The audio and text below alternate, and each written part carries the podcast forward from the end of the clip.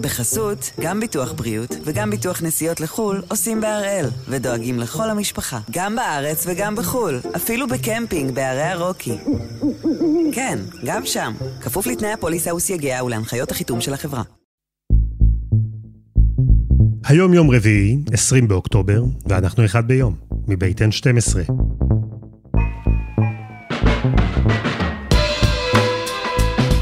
אני אלעד שמחיוף, ואנחנו כאן כדי להבין טוב יותר מה קורה סביבנו, סיפור אחד ביום, כל יום.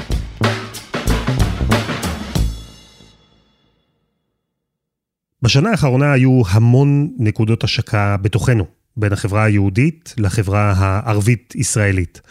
זה קרה בבחירות. אני מנסור עבאס, איש התנועה האסלאמית, ערבי ומוסלמי גאה, אזרח מדינת ישראל. זה קרה בקורונה.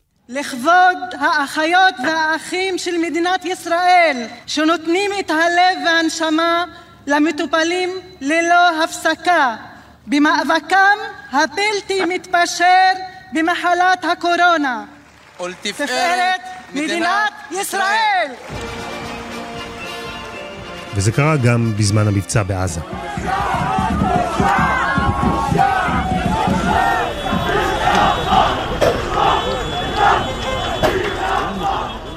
חלק מנקודות ההשקה האלה היו טובות, וחלק לא. חלק הובילו לשיתוף פעולה, וחלק לאלימות. אבל כשמקלפים את הרגעים האלה, את רגעי הקיצון האלה של הביחד, מגלים שבעצם אנחנו לא כל כך מכירים אחד את השני. היהודים את הערבים, והערבים את היהודים. אז הפעם אנחנו עם אוהד חמו, על סדרת הכתבות שיצר להיות ערבי בישראל. סדרה שבה הוא תיעד במשך חודשים חמש משפחות ערביות ישראליות, סדרה שאליה הוא יצא מבלי לדעת שהצוות שאיתו קיבל הוראה להשאיר את המצלמה פועלת כל הזמן. ודווקא ברגעים האלה, שהמצלמה בכלל הייתה על הרצפה למשל, אז התגלה בדיוק עד כמה שתי החברות האלה לא באמת מכירות זו את זו.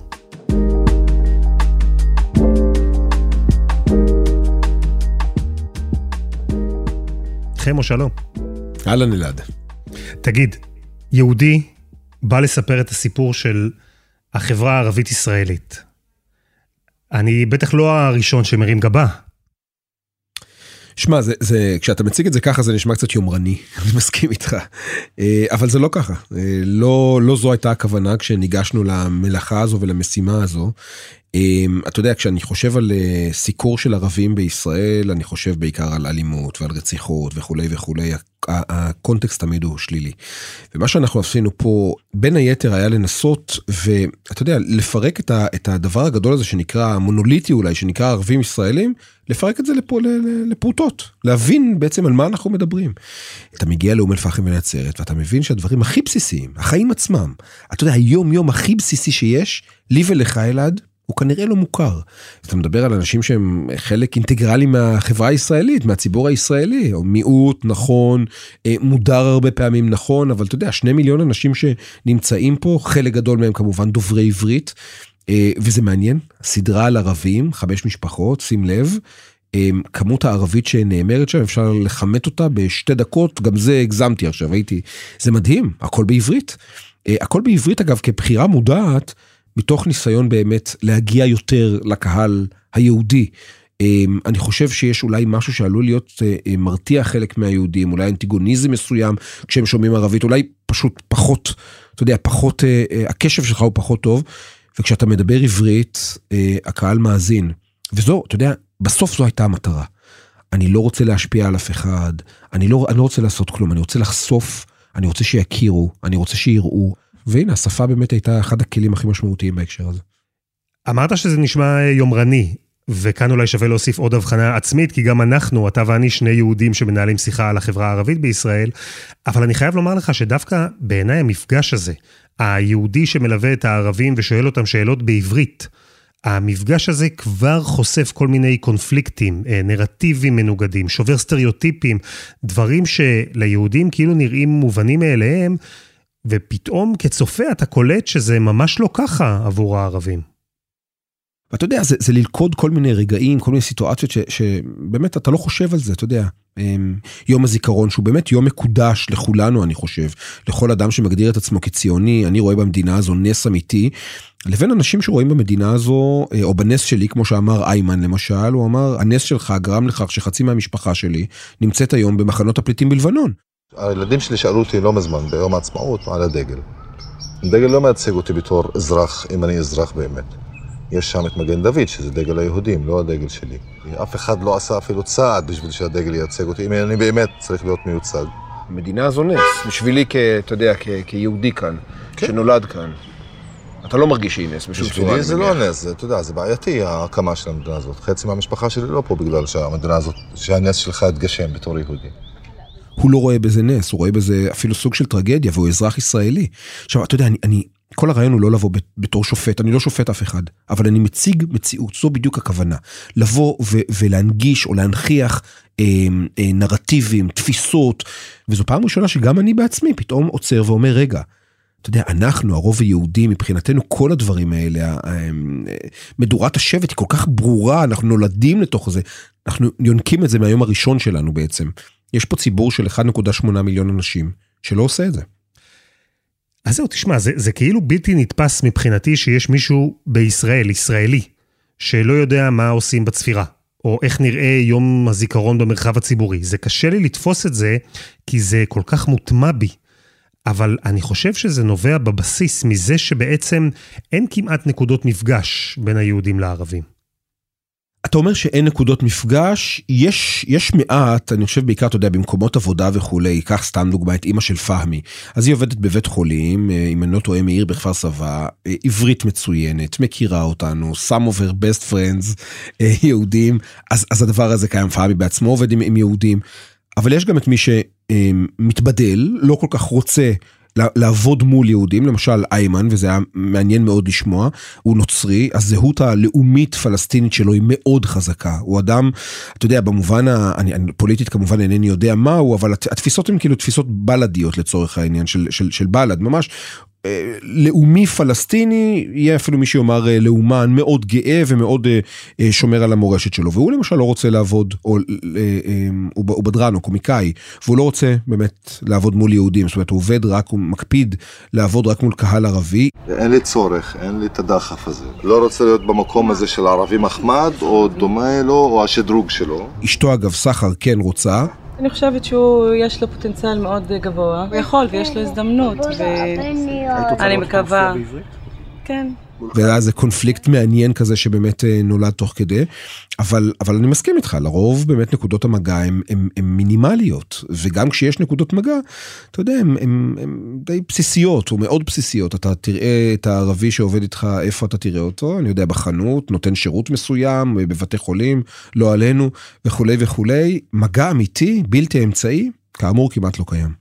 למה? איך אתה מסביר את זה? תשמע, אם היית שואל אותי על הפלסטינים, הייתי אומר לך שנקודת השבר היא מאוד ברורה, האינתיפאדה השנייה. אה, הבטיחו לנו שלום, הבטיחו לנו עלה של זית, וקיבלנו במקום זה אה, מחבלים מתאבדים באוטובוסים. אבל פה אנחנו לא מדברים על פלסט... אנחנו אולי מדברים על אנשים שמגדירים את עצמם פלסטינים, אבל גם באותה נשימה אזרחי ישראל. אני לא כל כך יודע להגיד לך, וזה, וזה אולי מפתיע, משום שאתה יודע, בעימות הזה בין תהליך הפלסטיניזציה לתהליך הישראליזציה, אני חושב שהישראליזציה לוקחת בענק, אלעד, היא מנצחת. זאת אומרת, בסוף גם הגיבורים שלנו, אתה רואה שחלק גדול מהם, למרות כל מה שאמרתי, למשל עכשיו על איימן וכולי וכולי, בסוף הם באמת רוצים, הם שואפים כל הזמן גם מערבה. כלומר מערבה לכיוונה של מדינת ישראל. ניסיון, אה, אני לא יודע אם להיקלט, אבל כן לייצר את המגע הזה, לנגוע ברוב הישראלי, לעבוד איתו. אתה יודע, קח את הנתונים המדהימים הבאים, למשל, אה, שנות ה-60 אישה ערבייה בישראל מביאה 9.6 ילדים. תשעה, כמעט עשרה ילדים בממוצע לאישה ערבייה במדינת ישראל, אזרחית המדינה. היום, 3.13. אישה יהודייה היום, 3.13. מפגש, מדהים.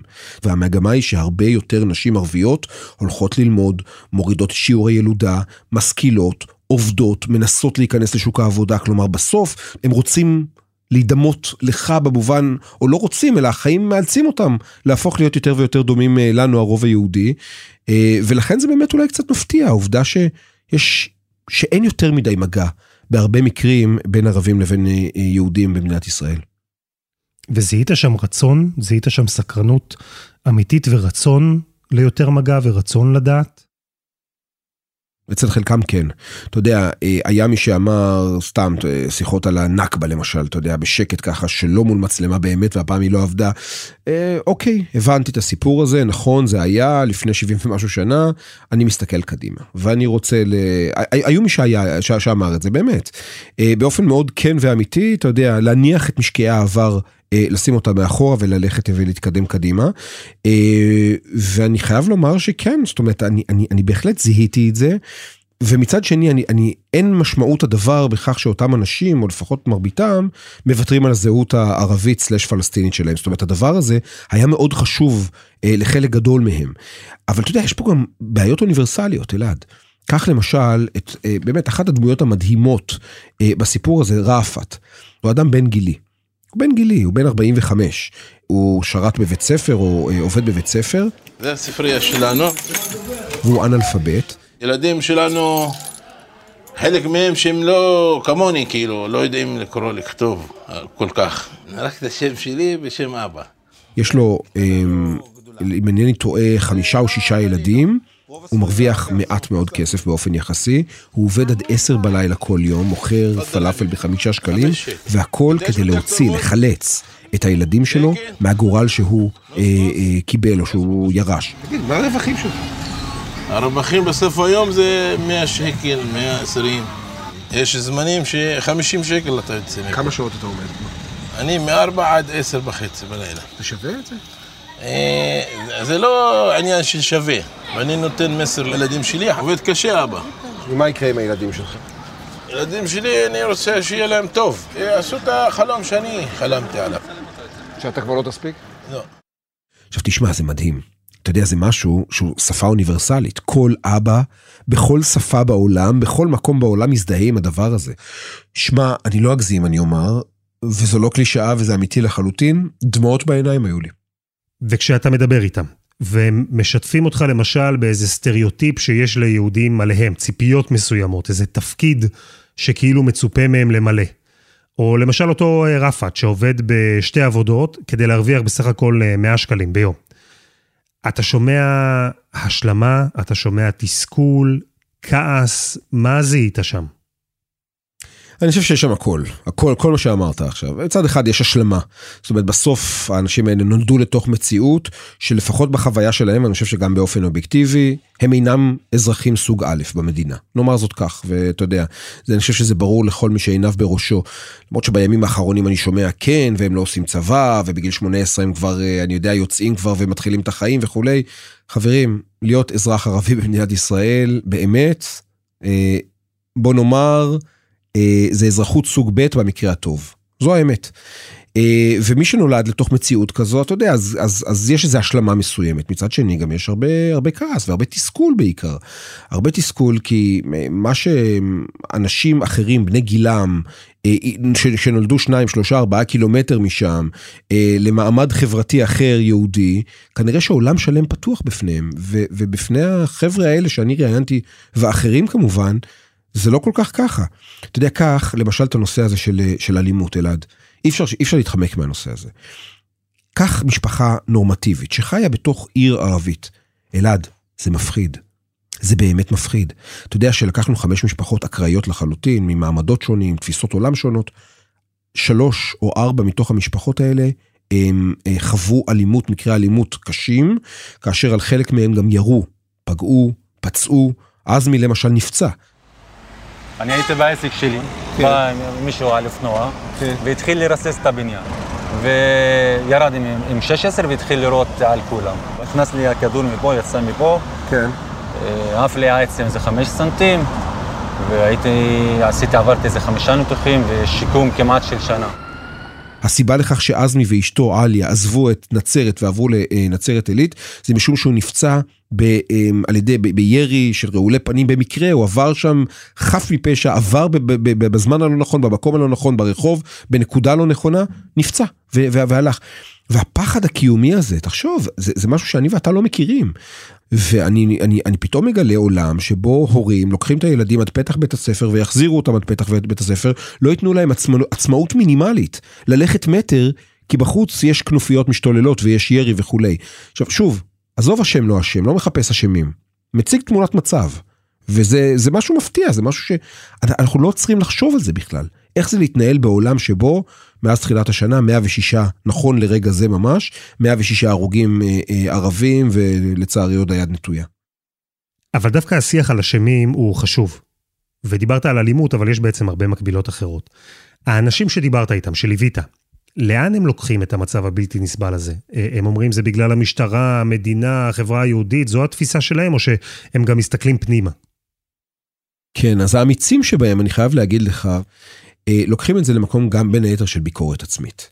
עכשיו, ביקורת עצמית באופן כללי בחברה הערבית, לא רק בישראל, בכלל, בעולם הערבי, אני חייב לומר, הם פחות מצטיינים בזה. זה משהו שלי נורא חסר, בדרך כלל בשיח, בשיח הפלסטיני למשל.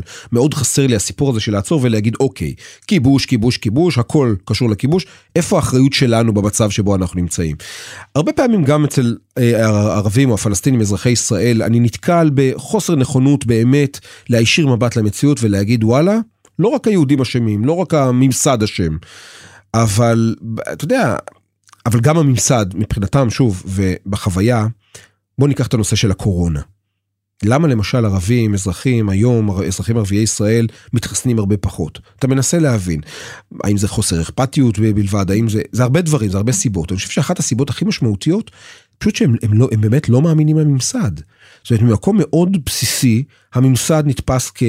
כמשהו בין עוין לבין אה, לבין אה, אני לא אגיד אויב כמובן אבל אבל עוין בעייתי אה, לא לוקח אותי בחשבון אני בן חורג שלו אני לא סומך עליו.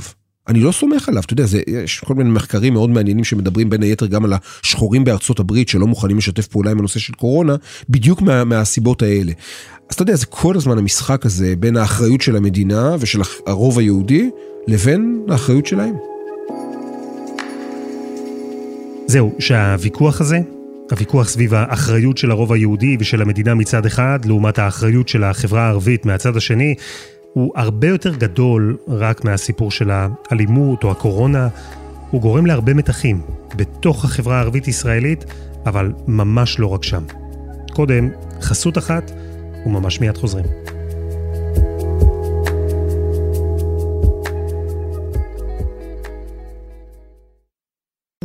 בחסות, גם ביטוח בריאות וגם ביטוח נסיעות לחו"ל עושים בהראל, ודואגים לכל המשפחה, גם בארץ וגם בחו"ל, אפילו בקמפינג בערי הרוקי. כן, גם שם, כפוף לתנאי הפוליסה וסייגיה ולהנחיות החיתום של החברה. חמו, אנחנו ממשיכים לדבר על אה, תובנות מהסדרה המצוינת שלך, להיות ערבי בישראל, סדרה שבה ליווית חמש משפחות ערביות ישראליות במשך חודשים, חודשים מאוד מורכבים, מאוד סמליים. ואתה כתב שטחים. אתה בדרך כלל מסקר את הפלסטינים. ובמנעד הזה, שבין היהודים לבין הפלסטינים, איפה אתה ממקם את הערבים הישראלים שפגשת? לאיזה כיוון הם נוטים יותר? תשמע, בסוף אנחנו מדברים על אנשים, חלק גדול מהם, מרביתם, אולי אפילו המכריע, מגדירים את עצמם כפלסטינים. פלסטינים אזרחי ישראל, אבל פלסטינים. אה, אנשים שבני משפחותיהם נמצאים בגדה, בעזה, בחוץ. זאת אומרת, בסוף, בסוף הם מגדירים את עצמם כפלסטינים. אה, מצד אחד. מצד שני, אמרנו שיש איזשהו, בכל זאת, אתה יודע, יש איזושהי מגמה, אה, בטח ובטח בשנים האחרונות של אה, קרבה או התקרבות, התקרבות לישראל וכיוצא בזה. אני חושב שהערבים אזרחי ישראל, יש בעיית זהות קשה. אצל, מי, מי הם? אומרת עליה שם, במונולוג מאוד מעניין, היא אומרת, בעצם, מה אני אומרת לילדים שלי? מדי פעם, כשאנחנו נמצאים בסביבנו יותר אנשים, יותר יהודים, ואז שואלים כל, מיש, כל מיני שאלות על יהודים כאחר, מדברים על האחר. אבל מצד שני, שואלים אותי, ממה אנחנו, למה אנחנו לא הולכים לשטחים? למה לא הולכים אה, לקנות מג'נין? למה לא הולכים... אה, לרמאללה, ואז אני מסבירה להם שזה קצת מסוכן, זה לא ברור להם, באמת, אנחנו, למי אנחנו שייכים? מה, אנחנו במלחמה עם מי? אנחנו רבים עם מי? אנחנו בקשר טוב עם מי? שלום עם מי? אנחנו הישראלים? אה, אנחנו רבנו איתם? אז אנחנו הם, אנחנו למי שייכים? ואז היא אומרת, בעיות של ילדים, ואני אומר לה, לא, זה, זה גם סוגיות שאתם בעצמם, בעצמכם נראה לי לא סגורים עליהם. מי אתם באמת? אה, ואני חושב שהשאלה, או סימן השאלה שמרחף כל הזמן, מי אנחנו ואיפה אנחנו ממקמים את עצמנו, אני לא בטוח שגם לצד השני יש תשובה. גם לאנשים האלו, גם, לה, אתה יודע, חלק גדול מהפלסטינים אזרחי ישראל, או מערבים אזרחי ישראל, לא בטוח שיש להם תשובה על הציר הזה. מה הם בהם, מה ההגדרה? פלסטינים, אזרחי ישראל, גם וגם, איך, מה יותר, אתה יודע. אז זהו, שזה מעניין, אתה, אתה בעצם פגשת אנשים שבמובן מסוים, או יותר ממובן אחד, תקועים בין שני עולמות. הערבים הישראלים, אגב, כמו אולי במובן מסוים, מזכיר קצת את המזרח ירושלמים, הם סוג של בן חורג. הם, בן, הם, הם, הם, הם, הם פלסטינים, אבל לא, הם לא גרים בשטחים, הם בסוף נמצאים פה. אה, הרבה פעמים הערבים בשטחים, הפלסטינים בשטחים מסתכלים עליהם קצת בחשדנות, אני חייב לומר. אגב, הסיפור של הבריחה של ששת האסירים מאוד הדגיש את זה. היה קמפיין שלם נגד הערבים אזרחי ישראל, איך לעזאזל לא הושטתם יד לאחיכם אה, ש, שנמלטו ו, ולא לא עזרתם להם, היה כעס מאוד גדול ברשתות החברתיות וכיוצא בזה. ואני אומר דווקא ההפך, אני אומר שמדובר באיזושהי חוליה מקשרת בינינו, החברה היהודית, לבין הפלסטינים בשטחים, חוליה מקשרת שאנחנו לא כל כך משתמשים בה, אבל אני, אתה יודע, אני אפילו לא יודע באיזה נסיבות כן אפשר, אבל בסוף אלה האנשים היחידים שמדלגים בין שני העולמות האלה. תגיד, המסע הזה שעברת עם מושאי הסיקור שהם ערבים ישראלים, זה שינה משהו באופן שבו אתה רואה את מושאי הסיקור הרגילים שלך? אה, זה, זה מעניין אותי אם הסדרה הזו שינתה משהו באופן שבו אתה מסקר את הפלסטינים. היא קצת ריככה אותי, אני חייב להגיד לך. אה, פה זו שאלה אינטימית, אז תרשה לי לענות באינטימיות. אה, עיקר האנשים שאני עובד איתם הם גברים בדרך כלל, והקונטקסט הוא הרבה פעמים מלחמתי. אתה יודע, גדודי אל-אקצא וחמאס וכל מיני כאלה, באמת, אלה אנשים, אלה המקורות שלי, זה אנשים שאני עובד איתם, לרוב הם גברים, לרוב המכריע, 99% מהם הם גברים. אה, תפיסת העולם היא מסוימת ככה, זאת אומרת, בסוף זה, זה, זו סביבת העבודה שלי. ופתאום אתה מגיע לסביבה הרבה יותר מרוככת. יותר נשים, קונטקסט אחר, אזרחי, משפחות, מדברים על, אתה יודע, על החיים עצמם, בתי ספר, חינוך, מתחברים, קשרים לאורך זמן. זה אחר, זה הרבה יותר עגול, זה הרבה יותר נינוח, זה הרבה יותר נעים. אה, אתה יודע, במובן מסוים זה גם אולי קצת יותר אמיתי. זו האמת. ו... וכן, אתה מקבל עוד נדבך, אני חושב שהכרתי לא רע את החברה הפלסטינית גם לפני, אבל אתה מקבל עוד איזה נדבך מסוים, אה, שבחיי היומיום או בעבודה היומיומית שלי בשטחים, אני לרוב לא נוגע בו. ואנחנו מדברים כששודרו כבר שלושה פרקים מרתקים, אם יורשה לי, ויש עוד שניים לפנינו. ואני אשאל אותך שאלה אה, קשה, היא צופה פני עתיד. עברת עם חמש המשפחות האלה תקופות אה, סוערות.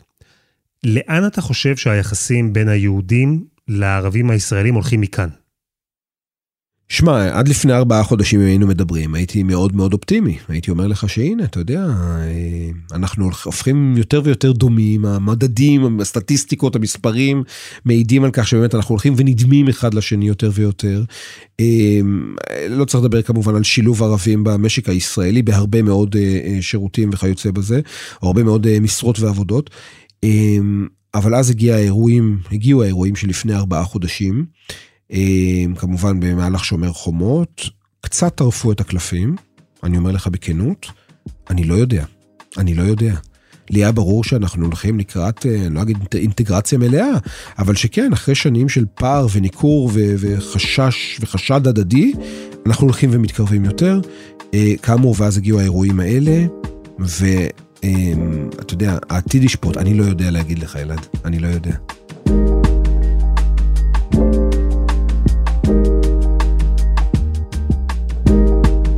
חמו, תודה רבה, אה, וזה הזמן לציין ולהודות גם לאנשים שיצרו יחד איתך את הסדרה להיות ערבי בישראל, נועה אוכרמן, עידו זנד, אלי בוקר וקיפי. עשיתם עבודה מעולה וחשובה. תודה רבה. תודה לך אלעד, נהניתי.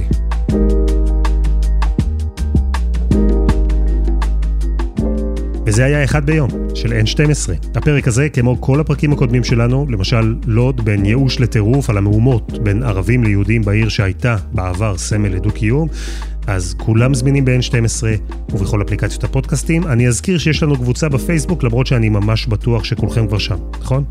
יופי. העורך שלנו הוא רום אטיק, בצוות דני נודלמן ועדי חצרוני, על הסאונד יאיר בשן שגם יצר את מוזיקת הפתיחה שלנו, ואני אלעד שמחיוף, ואנחנו נהיה כאן שוב, גם בשבוע הבא.